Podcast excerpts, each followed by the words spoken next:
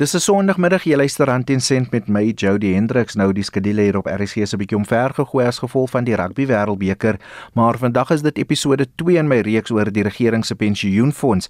En as jy 'n regeringswerker is eh, spits jou ore en eh, stuur SMS na 45889 dit kos jou R1.50 of 'n stemnota na 0765366961 ek herhaal 0765366961 jy kan my ook kontak op sosiale media en eh, op die RSG webwerf rsg.co.za en ek sal seker maak dat die op en wakker span al jou vrae en terugvoering kry. Soos ek gesê het, my gas is Omelia Hatzenberg, sy is van die regering se pensioenfonds. Omelia, vandag se program handel oor lede wat uh, vroeg bedank tussen die ouderdom van 55 en 60 jaar oud om toegang tot hulle pensioenfonds te kry om elders te gaan belê.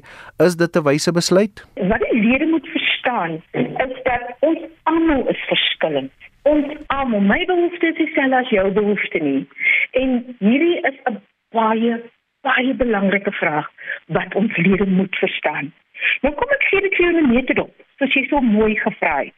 Terwyl die GPF 'n pensioenfonds is met die doel om lede se geld te spaar vir die na-aftrede lewe, maar die staatsamptenare se pensioen, die GPF wet voorsiening vir die uittrede van die fonds in een van die volgende gevalle.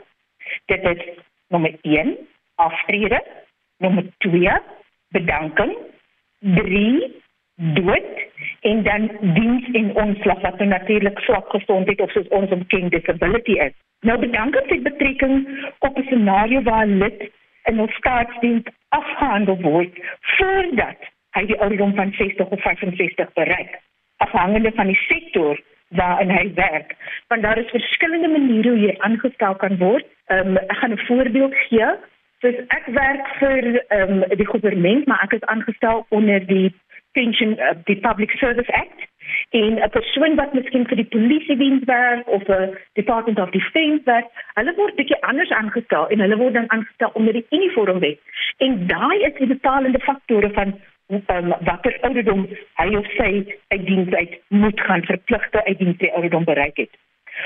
Nou wanneer so 'n lid in aanmerking vir bedankingsvoordele kom, word 'n eenmalige betaling wat op, op daardie stadium uit opgehoopte spaargeld bestaan. Hierdie betaling word as 'n enkel bedrag voorsien. Het sy direk aan die lid se eie rekening betaal of indien die lid verkies om die geld oorgedra te word na eksterne fonds toe kan of na bewaringsfonds toe kan dit ook gedoen word. Dit is natuurlik hulle keuse.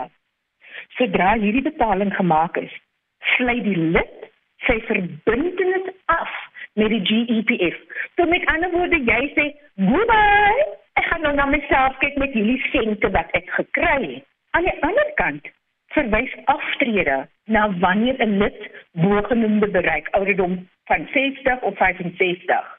Genoemde ouderdom en aftrede en pensionaris van die GPF word in hierdie geval word so 'n lid geregtig op twee forme van betaling, naamlik 'n eenmalige gratifikasie. Ons ken ons maar nou as 'n lamsom op 'n enkel bedrag en dan 'n maandelikse pensioen. Daarbenewens is sulke lede geregtig op ander bydraende voordele soos begrafnisvoordeel. So jy behou jou begrafnisvoordeel as jy met aftrede gaan. Jy maak voorsiening vir gade pensioen. Jy kan kwalifiseer vir 'n mediese subsidie en so voort. Die GPF aanvaar die verantwoordelikheid om die maandelikse pensioenbetalings gedurende hul leeftyd aan die afgetredene te verskaf. Nou ek gaan dit in 'n nutshell sê. As ek gewoonlik aanbiedings doen, dan sê ladies and gentlemen, daar is drie goed wat julle moet weet van julle maandelikse pensioen. Nommer 1, hy is 'n lewenslange pensioen. So al word jy nou horing uit 120, kan ons nie omdring maar ons het nie meer geld nie. Die wet sê, die wetloos sê dit is 'n lewenslange pensioen. Die tweede ding wat ons uh, oudjies moet weet aan buite is dat hierdie pensioen verhoog elke jaar April maand klokslag. En ek lag altyd so. Want weet jy, ehm um, vir so vir plus in 3 jaar het ons regering amptenare mos nou nie verhoging gekry nie. Jy sou moet nou nie daarvan weet nie, nee. So jy jou dood gewerk en jy kry nie verhoging nie. En wanneer ons pensionaars verhogings deurkom, weet jy dan is ek so jaloers gewees op hulle. maar in elk geval, die derde ding wat jy moet weet, is dat jou pensioen gewaarborg vir 5 jaar. So met ander woorde, as jy binne die eerste 5 jaar tot sterwe kom, moet ons dan 5 jaar balans uitbetaal aan jou genomineerde. OK. Maar ons betaal vir jou 'n lewenslange pensioen. En dit is die belangrikste wat elke jaar verhoog word. Ek is nou om en by 15 jaar by hierdie maatskappy. En weet jy, nie een jaar April maand het ons 'n verhoging gemis nie. Nie een jaar dit klokslag gedoen. Omilia so gee vir ons 'n bietjie duidelikheid waar kom die verwarring in of die persepsie dat uh, jou die aftreegeld moontlik veiliger in 'n privaat fonds sal wees as by die GPF. Weet jy, ehm um, ander gedefinieerde voordele bied 'n maandelikse pensioen wat lewenslank betaalbaar is. Die naaste wat die versekeringsbedryf bied, is lewensannuïteite. Dit bied egter nie dieselfde vlak van waarborge wat deur die GEPF aangebied word nie wat ek nou so flitsig genoem het. Omilia so wat is die produkte wat julle bied en hoe verskil dit met die private versekeringsmaatskappye? Ek gaan voordat ek antwoord, né, gaan ek eers ietsie sê. Ek is 'n kliëntedienskonsultant vir die GEPF. Okay? Ek is nie 'n finansiële adviseur nie. So ek mag nie finansiële advies gee nie. Maar weet jy, ons het altyd so 'n grys area gehad waar ons nie so ons wil verstout het om verlede te sê luister as jy nou 'n lewensanniteit of 'n afdeanniteit dit is wat jy gaan kry ek is nie gekwalifiseer vir dit nie so wat ek veel van gee is basiese inligting die verskil van ehm um, ons en dan die lewensanniteite daar buite so ek spring weg 'n lewensanniteit is 'n versekeringsproduk wat lewenslank 'n gewaarborgde inkomste stroom bied. Wanneer jy 'n lewensanniteit koop, gee jy 'n enkel bedrag geld aan 'n versekeringsmaatskappy. Dit is nou jou tipiese ou mutual Sanlam, Allen Gray en so voort. En in ruil daarvoor beloof hierdie maatskappy om gereelde betalings aan jou vir die res van jou lewe te maak. Die bedrag van die betalings word bepaal deur 'n verskeidenheid faktore en hierdie goed moet met moet met jou bespreek word sodat jy 'n ingeligte besluit kan maak op die einde van die dag. So dit is insluitend ouderdom wat 'n faktor speel, geslag en natuurlik die hoeveelheid geld wat jy vir die versekeringsmaatskappy gee. Met 'n lewensanniteit dra 'n mens in wese die risiko. So die lid dra die risiko as jy jou geld oorplaas na versekeringsmaatskappy toe. Die beloofde maandelikse betalings is onderhewig aan inkomstebelasting volgens SARS se belastingtabelle. En dit is 'n metode hoe dit werk en hoe dit verskil vanaf die GPF.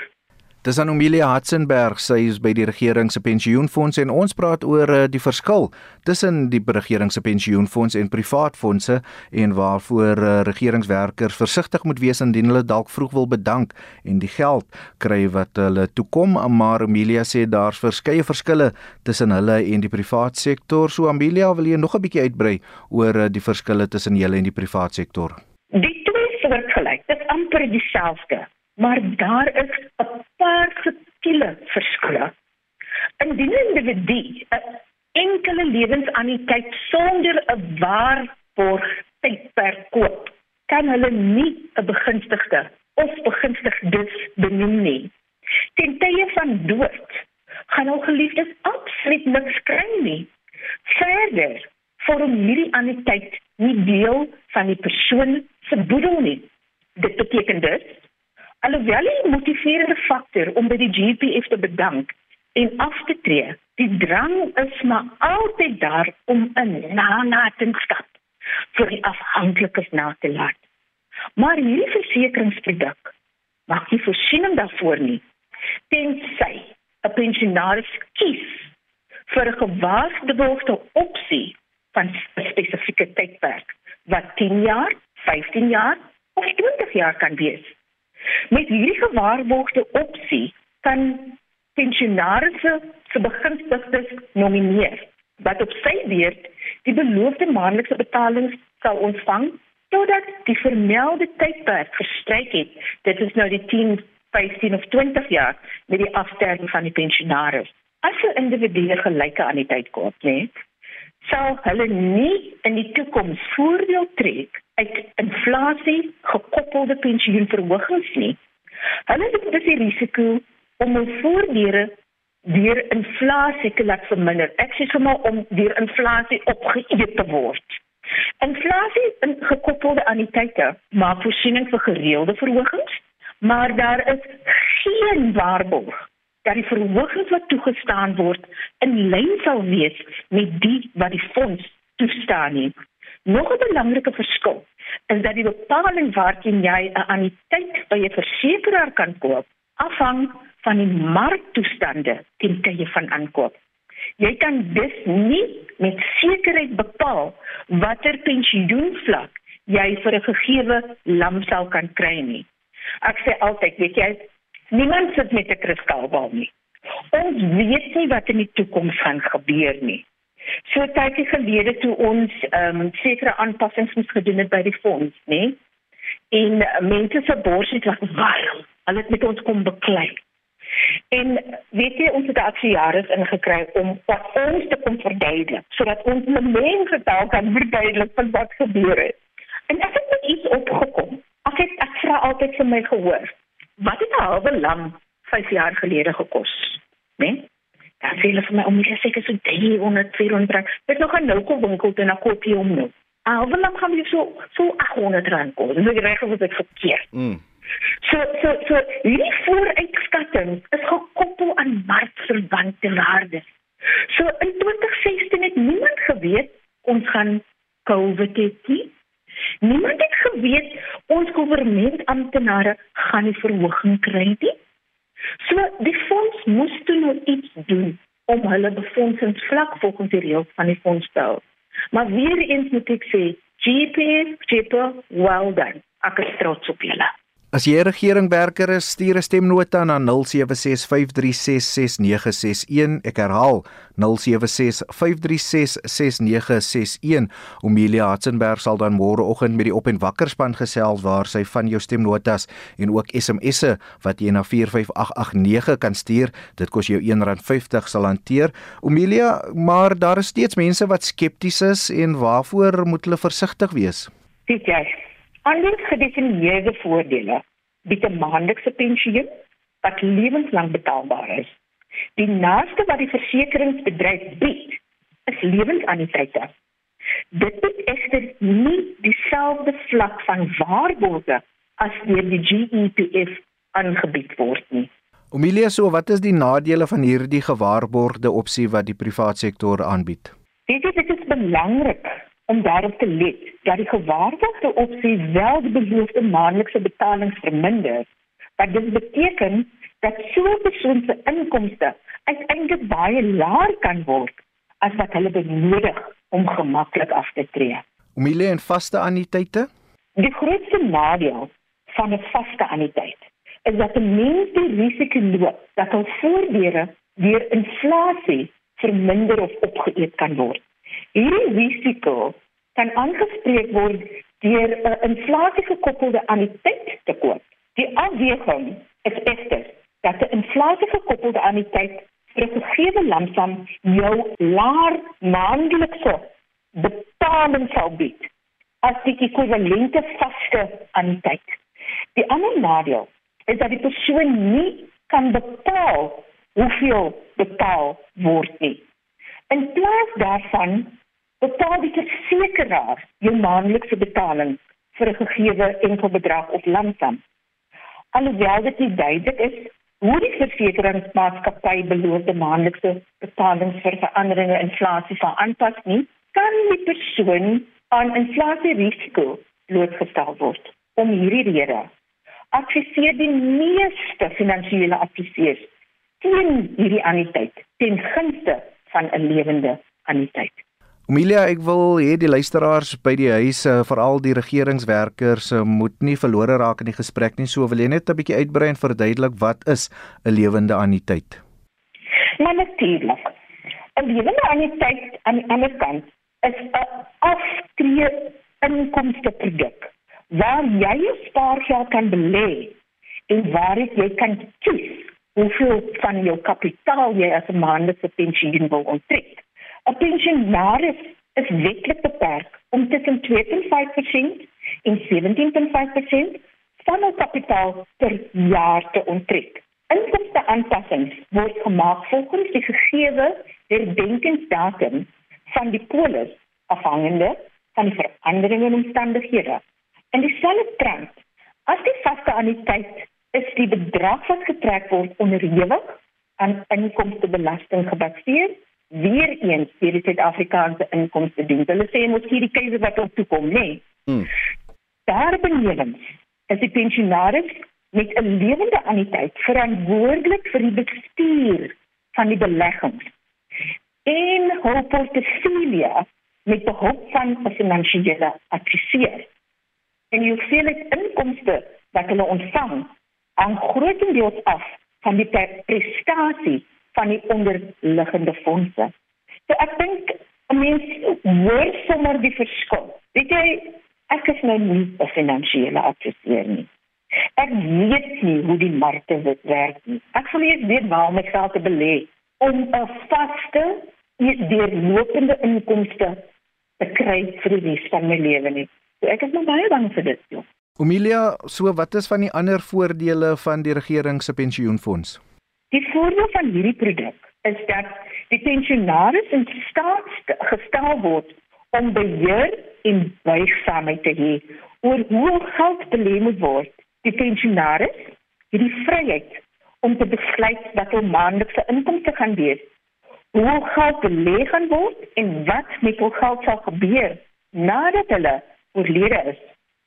Nog 'n minderwaardige voordeel van 'n lewende anniteit is dat dit nie deel van jou boedel vorm nie en sodoende genomineerde begunstigdes onmiddellike toegang tot die reswaarde van die fondse gee met die afsterwe van 'n pensionaris. Die begunstigdes kan die reswaarde ten volle onttrek as 'n anniteit of as 'n kombinasie van 'n kontant enkelbedrag en 'n periodieke anniteit.